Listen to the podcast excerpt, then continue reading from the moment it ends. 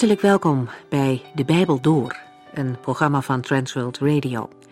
De Bijbel Door is een radioserie die u in vijf jaar meeneemt door de hele Bijbel. Van Genesis 1 tot Openbaring 22.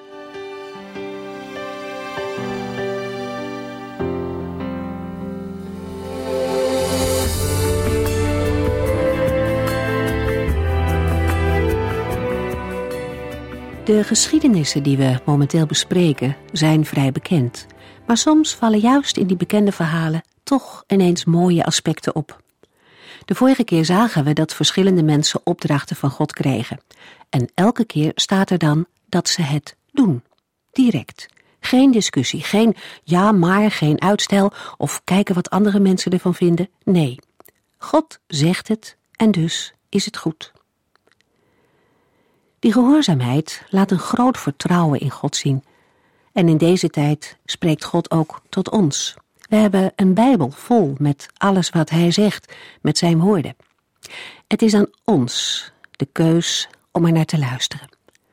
En we hopen dan ook dat deze programma's mogen bijdragen dat u de woorden van de levende God beter gaat begrijpen.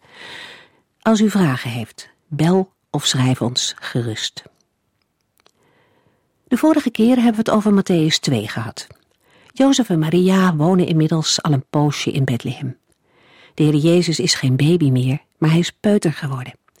Hoe het dagelijks leven eruit zag, weten we niet. Maar de Bijbel vertelt wel over die keer dat er ineens een groepje buitenlanders op de stoep stond. Magiërs, wijzen, astrologen uit het Verre Oosten, wellicht uit Babylon. Deze wijze mannen hebben een lange reis gemaakt en ze hebben dure geschenken meegenomen. Maar hun verblijf bij het jonge gezin eindigt wat abrupt. In een droom vertelt God ze namelijk dat ze niet langs Herodes moeten terugkeren. En als de wijzen dat horen, vertrekken ze wel, maar langs een andere weg. Jozef is de volgende die een boodschap van God krijgt. S'nachts komt een engel bij hem en die engel waarschuwt Jozef dat Herodes het kind wil doden. Jozef moet naar Egypte vluchten. Hij staat dan meteen op en vertrekt s'nachts nog naar Egypte. Jozef schuift de beslissing niet voor zich uit. Hij verlaat zijn huis en zijn bestaan in Bethlehem en brengt de zoon van God met zijn moeder in veiligheid. Hoe belangrijk het is om God te gehoorzamen, blijkt wel uit het vervolg. Herodes is inderdaad in Bethlehem gekomen en heeft daar alle jongetjes tot twee jaar omgebracht. Jozef blijft met zijn gezin net zo lang in Egypte totdat de engel hem vertelt dat hij veilig terug kan gaan, omdat Herodes inmiddels overleden is.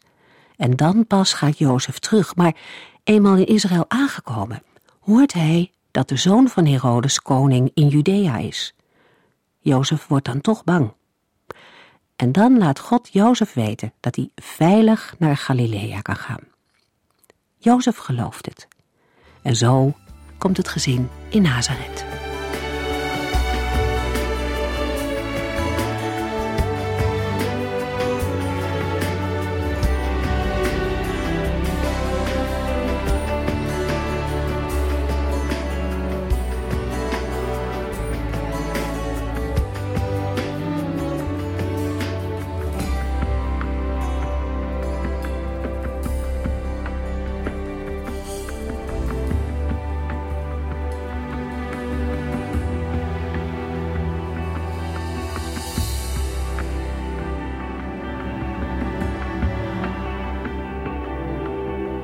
De vorige uitzending hebben we gezien hoe de geestelijke leiders door Johannes de Doper werden aangesproken. We hebben gelezen in Matthäus 3, vers 7 tot en met 9. Er kwamen ook verscheidene fariseërs en sadduceërs naar hem toe om zich te laten dopen. Toen hij hen zag, zei hij tegen hen: Stelletje sluwe slangen, wie heeft u verteld dat u aan het komende oordeel van God kunt ontsnappen? Laat eerst maar eens in uw leven zien dat u zich bekeerd heeft en denk niet dat u vrij uitgaat omdat u van Abraham afstamt. Want ik verzeker u dat God zelfs deze stenen in kinderen van Abraham kan veranderen. De Fariseërs vormden de strengste groep. Ze hielden zich streng aan de wet. Ze hadden aan de oud-testamentische geboden heel wat voorschriften toegevoegd. Deze voorschriften hadden voor hen even groot gezag als de Bijbel zelf. De Sadduceërs waren voornamelijk priesters. Zij aanvaarden alleen het gezag van de vijf boeken van Mozes, de eerste vijf boeken van het Oude Testament. Zij geloofden niet in de opstanding van de doden en het bestaan van engelen en geesten. Johannes de Doper spreekt hen aan omdat hij wil laten zien dat bekering veel meer is dan het aanhangen van een bepaalde leer en het streng houden van allerlei wetten en regels. Bekering houdt een totale verandering in en is altijd zichtbaar in iemands leven, in zijn woorden en werken. Johannes illustreert het met het voorbeeld van de vruchtbomen. Vruchtbomen zijn alleen nuttig als ze vrucht dragen. Matthäus 3, vers 10. De bijl van Gods oordeel ligt aan de wortel van de bomen. Elke boom die geen goede vruchten draagt, wordt omgehakt en in het vuur gegooid. In het Nieuwe Testament wordt heel wat gezegd over het dragen van vrucht. Er zijn verschillende soorten bomen. Alleen een vruchtboom kan vruchten voortbrengen. Vruchtbomen die geen vrucht dragen, worden omgehakt en in het vuur gegooid. Een appelboom zal appels dragen en een pruimenboom pruimen. De vrucht is nauw verbonden met de wortel, ze gaan samen. Zonder wortel is er geen vrucht. Dat is precies wat Johannes de Doper hier zegt. Mensen, los van God, zijn als vruchtbomen die geen goede vruchten voortbrengen. Dan kun je wel druk zijn met je kerk of godsdienst, maar voor God is het brandhout. Matthäus 3, vers 11. Johannes zegt: Ik doop met water als teken van de bekering. Na mij komt er iemand die belangrijker is dan ik. Ik ben het niet eens waard zijn sandalen te dragen. Hij zal u dopen met de Heilige Geest en met vuur. De doop en de prediking van Johannes doen sterk denken aan de profetie van Ezekiel. In Ezekiel 36 wordt gesproken over de reiniging en bevrijding van Israëls ongerechtigheden met zuiver water. De sandalen voor iemand losmaken en dragen was zo'n vernedering dat een Joodse slaaf het niet hoefde te doen, maar alleen niet-Joodse slaven. Johannes wil ermee uitdrukken dat hij zichzelf ziet in verhouding met Jezus als minder dan een heidense slaaf. Met vuur is hier niet bedoeld het reinigende vuur, maar het vuur van het oordeel. Dat blijkt ook uit vers 10 en 12. Johannes de Doper verkondigt de oude boodschap dat de Heere God en zijn Messias al het goddeloze in het oordeelsvuur zullen onderdompelen. Jesaja 66 en Malachi 3. De doop met de geest is de grote belofte voor de heilstijd. De geest des Heren zal uitgestort worden. Jesaja 32 en 44, Joel 3 en Handelingen 2. Zo kondigde Johannes de Doper de komende Messias aan als een volkomen representant van de Heere God. Hij zal voor het volk van God de heilstijd en de heilsgave brengen, maar over de goddelozen het eeuwige oordeel. Toen op het Pinksterfeest de Heilige Geest werd uitgestort, vond er geen vervulling van de doop met vuur plaats. De doop met vuur zal plaatsvinden bij de tweede en laatste komst van Christus. In onze tijd komt de Heilige Geest op elke gelovige, niet alleen op een paar. De Heilige Geest heeft alle gelovigen tot één lichaam samengevoegd, het lichaam van Christus. 1 Korinthe 12, vers 13. Dat is één van de grote waarheden in de Bijbel, het woord van God. Johannes spreekt nog verder over de wederkomst van Jezus Christus. Matthäus 3, vers 12. Hij staat klaar om het kaf van het koren te scheiden. Het koren zal hij opslaan in de schuur, maar het kaf zal hij verbranden in een vuur dat nooit uitgaat. Zoals het graan in de schuur verzameld wordt en het kaf verbrandt, zo zal de Messias de gelovigen vergaderen in zijn koninkrijk en de goddelozen veroordelen tot de eeuwige straf. Matthäus 13. Nadat we Johannes de Doper hebben gevolgd, in de eerste twaalf versen van Matthäus 3, richt Matthäus in vers 13 de schijnwerper op de Heer Jezus. Jezus verliet Galilea en ging naar Johannes om zich ook door hem in de Jordaan te laten dopen. Matthäus 3, vers 13. De doop van Johannes was voor hen die vergeving van zonden nodig hadden. Het brengt ons tot de vraag: waarom wilde Jezus worden gedoopt? Het lijkt niet zo vreemd dat Johannes in eerste instantie weigerde Jezus te dopen. Matthäus 3, vers 14 en 15. Maar Johannes hield hem tegen.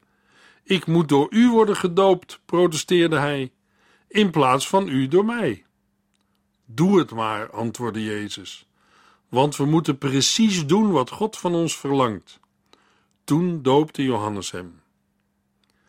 Waarom werd de Heer Jezus gedoopt? De belangrijkste reden wordt in vers 15 vermeld, want we moeten precies doen wat God van ons verlangt. De Heer Jezus identificeert zich geheel met de zondige mensheid. Jezaja had geprofeteerd dat hij geteld zou worden onder de overtreders. Jezaja 53 vers 12. Hier identificeert zich de koning met zijn onderdanen.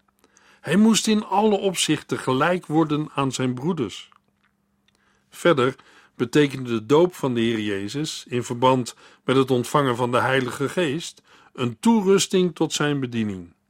Alles wat Jezus deed, al zijn daden, werden gedaan door de kracht van de Heilige Geest.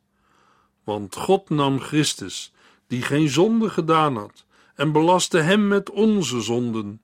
In ruil daarvoor rekent God de rechtvaardigheid van Christus aan ons toe. 2 Korinthe 5, vers 21. Er was zonde op hem, maar er was geen zonde in hem. Mijn zonden werden op hem gelegd, niet in hem. Dat is een belangrijk verschil. Jezus antwoordde: Doe het maar, want we moeten precies doen wat God van ons verlangt. Toen doopte Johannes hem. Matthäus 3, vers 16 en 17.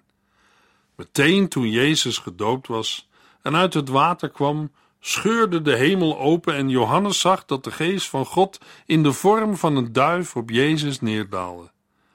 Een stem uit de hemel zei: Dit is mijn geliefde zoon. Hij verheugt mijn hart. Het zich openen van de hemel is een teken dat er een goddelijke openbaring plaatsvindt. Jesaja 64 vers 1. Hier hebben we een verschijning van de drie-enige God. Terwijl de Heer Jezus uit het water komt, daalt de Heilige Geest op hem neer als een duif, en de Vader spreekt uit de hemel. Het is de knecht des Heren in wie God zich verheugt. God, de Vader, proclameert dat Jezus zijn enige geboren zoon is. Hij gaat de taak van de Messias uitvoeren. Die taak houdt in eerste instantie in dat hij de werken van de knecht des Heren zal volbrengen. Want de zalving met de Heilige Geest is de vervulling van oud-testamentische beloften. Jesaja 11, 42 en 61. Het betekent de toerusting van de Messias tot het werk van de knecht des Heren. Matthäus 4, vers 1. Daarna werd Jezus door de Heilige Geest naar de woestijn geleid om door de duivel op de proef te worden gesteld. In hoofdstuk 4 gaat Matthäus in op de vraag: Is de koning in staat om de toets te doorstaan en kan hij overwinnen? Jezus wordt op de proef gesteld. De verzoeking van Jezus volgt onmiddellijk op zijn doop. Hij werd door de Heilige Geest naar de woestijn geleid. De Heere God wilde dat hij op de proef gesteld zou worden. Maar voordat er misverstanden ontstaan, de Heere God brengt niemand in verleiding. Jacobus 1, vers 13. In Genesis 22, vers 1 hebben we gelezen dat God Abraham op de proef stelde. Waarom wilde de Heer God dat Jezus op de proef werd gesteld? Enerzijds om hem te testen, maar vooral om hem als overwinnaar over de duivel tevoorschijn te doen komen. Is de koning in staat om de toets te doorstaan en kan hij overwinnen? En het antwoord is ja. Matthäus laat het zien als voorspel op de grote overwinning die de Heer Jezus Christus aan het kruis op Satan zal behalen mag ik het zo zeggen. De Heer Jezus werd op de proef gesteld om te bewijzen dat hij niet kapot te krijgen is. Zelfs de duivel kreeg dat niet voor elkaar. Wij hebben grenzen aan wat we kunnen dragen. Een mens kan bezwijken onder de verzoeking. Dat geldt voor u, maar ook voor mij. Maar hoewel de druk voortdurend toenam, bezweek Jezus Christus nooit. Matthäus 4, vers 2 en 3. Nadat hij veertig dagen en veertig nachten had gevast, kreeg hij tenslotte honger. Op dat moment stelde de duivel hem op de proef en zei: U bent toch de zoon van God? Zeg dan dat deze stenen brood moeten worden. De verzoekingen vertonen hetzelfde patroon als die in de Hof van Eden. Genesis 3.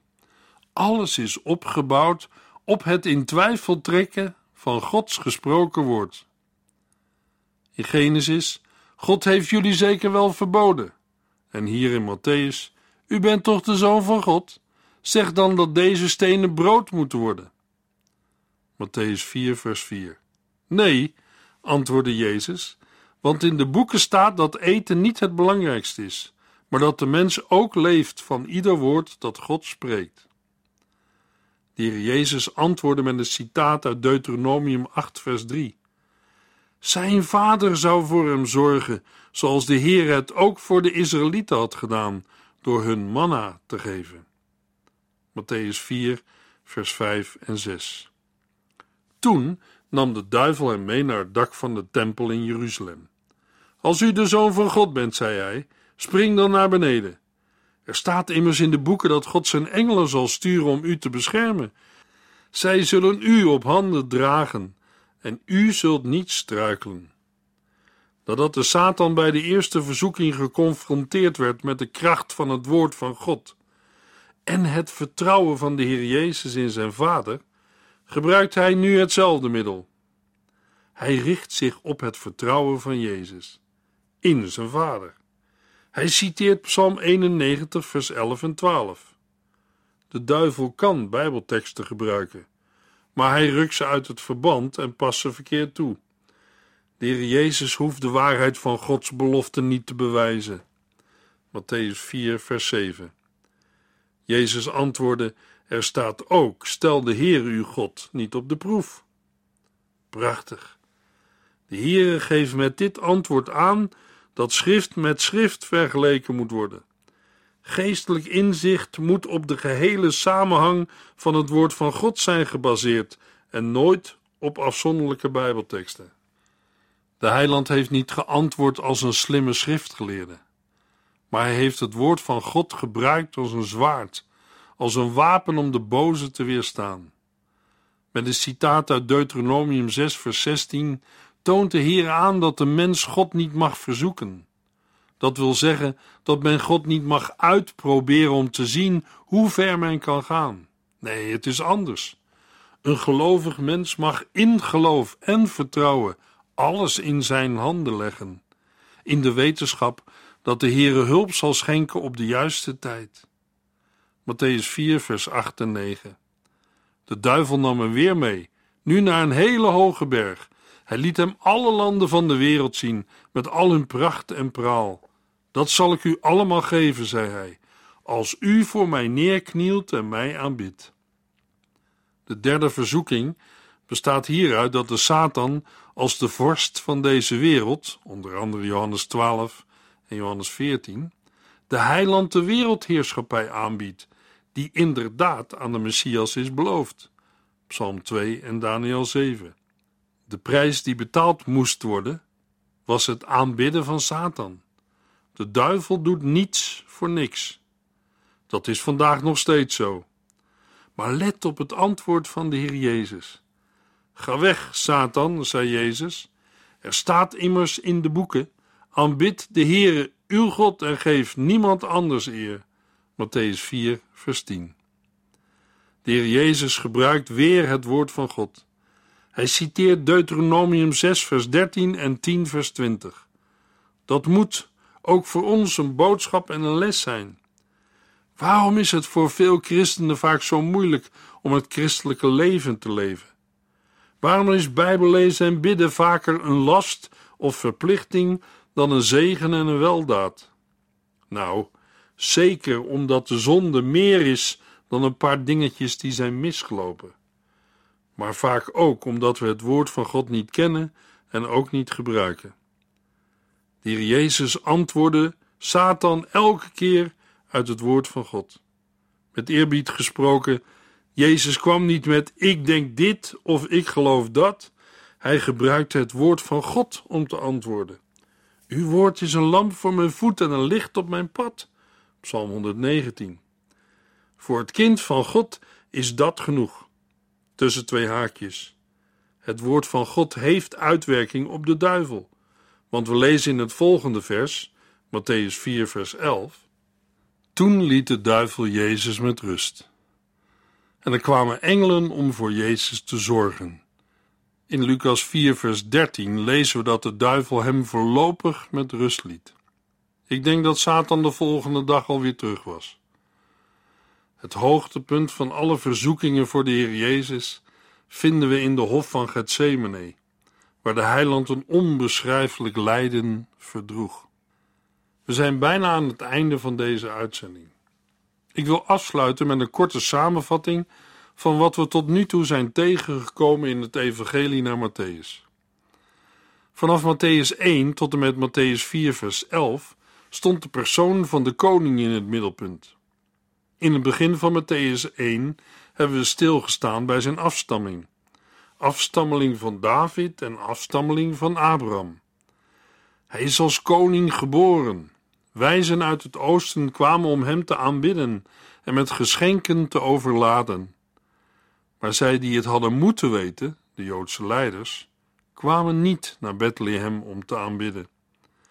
En koning Herodes die had direct door dat deze koning een bedreiging voor zijn troon was. Het verschrikkelijke gebeurde, de kindermoord in Bethlehem. Dan verschijnt de voorloper op het toneel, Johannes de Doper. Jezus wordt als een koning gedoopt en vlak daarna verzocht als koning. In de verzoeking en beproeving houdt de koning stand. Hij overwint. Wat we ook in deze gebeurtenissen zien is dat de duivel een persoon is. Een antwoord voor mensen die menen dat de duivel alleen maar een invloed is. Satan gaat heel subtiel te werk. Het ingebakken kwaad van Satans verzoeking is om Jezus tegen de wil van God in te laten gaan. Maar de heiland gaf antwoord vanuit het woord. Met andere woorden, hij gebruikte het zwaard van de geest, dat is het woord van God. Efeze 6, vers 17. Om de vijand van God en mens te bestrijden. Luisteraar, laten ook wij ons meer oefenen in het gebruik van het zwaard van de geest. De duivel is de aap van God. Hij wil Jezus tot wereldheerser maken door een wonderteken. De duivel wil het kruis van Christus omzeilen. Maar dat is niet de weg van de Heere God. Een les voor ons? Het is gevaarlijk om door wonderdoeners op een dwaalspoor geleid te worden. Ook nu lopen veel mensen achter wonderdoeners aan. Begrijp me niet verkeerd. Ik geloof in wonderen. Ik geloof dat de Heer kan genezen op gebed. Maar ik geloof ook dat de Heer een dokter kan gebruiken. Wat wil de Heer en wat is zijn weg? Satan probeerde de Heer Jezus aan Gods weg te laten voorbijgaan. Het is niet altijd de wil van God om een wonder in uw, jou of in mijn leven te verrichten. Sommige christenen menen dat we God kunnen dwingen om iets te doen. Dat Hij, bij wijze van spreken, onder ons gezag zou staan om te doen wat wij willen. De Heer God is soeverein. Hij is de schepper en wij zijn zijn schepselen. Wij moeten buigen voor zijn wil. Dat kan soms niet plezierig zijn, maar wel noodzakelijk. Want niet uw, jouw of mijn wil is belangrijk, maar de wil van God. In Johannes 4, vers 48 hoorden we de Heer Jezus tegen een hoge ambtenaar en andere inwoners van Galilea zeggen: Als jullie geen wonderteken zien, geloven jullie niet. De mensen waren uit op het zien van tekenen en wonderen. Hun geloof was niet gericht op God, maar op sensatie. Ook als je niet beter wordt, is het belangrijk om de Heer Jezus Christus te aanvaarden als uw en jouw persoonlijke redder en verlosser. Die boodschap kan de Heer God bevestigen met wonderen en tekenen. Maar daar hebben wij geen greep op en dat kunnen we ook niet even regelen. Ten slotte nog een puntje met betrekking tot de verzoeking van de Heer Jezus in de woestijn. Satan liet Jezus alle landen van de wereld zien. Met al hun pracht en praal. Hij zei: Dat zal ik u allemaal geven als u voor mij neerknielt en mij aanbidt. Maar kon de duivel de Heer Jezus de koninkrijken van deze wereld wel aanbieden? Denk er eens over na. De Heer Jezus bestreed zijn bewering niet. Jezus heeft niet tegen Satan gezegd: Dat kun je helemaal niet. Jij kunt mij de koninkrijken van de wereld niet aanbieden, want ze zijn niet van jou. De duivel wordt in de Efezebrief het hoofd van de wereldbeheersers deze duisternis genoemd. Hij gaat rond als een briesende leeuw. In Efeze 6, vers 12 lezen we: Wij vechten tegen duivelse heersers en machten die deze donkere wereld tyranniseren. Daartoe hebben we een wapenrusting nodig, want de duivel runt de hele boel. Het tijdperk van de nieuwe hemel en de nieuwe aarde is nog niet aangebroken. Dit feit geeft ons een wat ander zicht op de problemen die we in de wereld van vandaag tegenkomen. Natuurlijk kun je roepen: waarom doet God er niets aan? Maar God heeft er alles aan gedaan. Zijn oplossing is zijn zoon Jezus Christus. Hij heeft op het kruis de duivel ontroond. Laten wij ons realiseren wie onze echte vijand is. Het is een geestelijke vijand. Hij wil als God worden. De duivel is niet tevreden met wat hij te pakken heeft. Hij wil meer. Denk nog eens aan wat hij tegen de Heer Jezus zei. Dat zal ik u allemaal geven als u voor mij neerknielt en mij aanbidt. Voor wie knielt u en jij neer? Wie aanbidden wij? Wordt een leerling een volgeling van de Heer Jezus? Daarover in een volgende uitzending meer.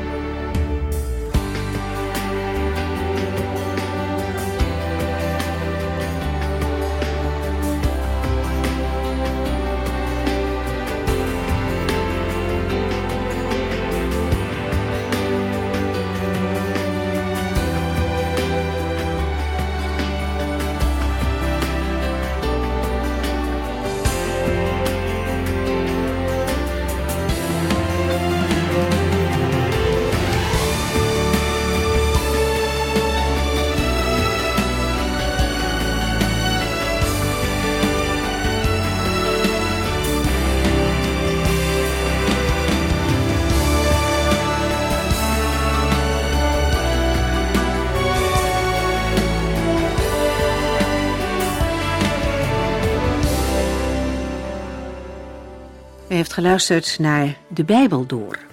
In het Nederlands vertaald en bewerkt door Transworld Radio. Een programma waarin we in vijf jaar tijd de hele Bijbel doorgaan. Als u wilt reageren op deze uitzending of u heeft vragen, dan kunt u contact met ons opnemen. Tijdens kantooruren kunt u bellen op 0342 47 8432. 0342 47 8432. 32. Ook kunt u een e-mail sturen naar de Bijbel door transworldradio.nl en natuurlijk kunt u ook via de post ons bereiken. TWR, postbus 371, postcode 3770, AJ in Barneveld. Dit programma werd gepresenteerd door Cor Weda en Ike André. Techniek was in handen van Odin van Woerdekom. En wij allemaal bedanken u voor het luisteren. Graag tot de volgende keer.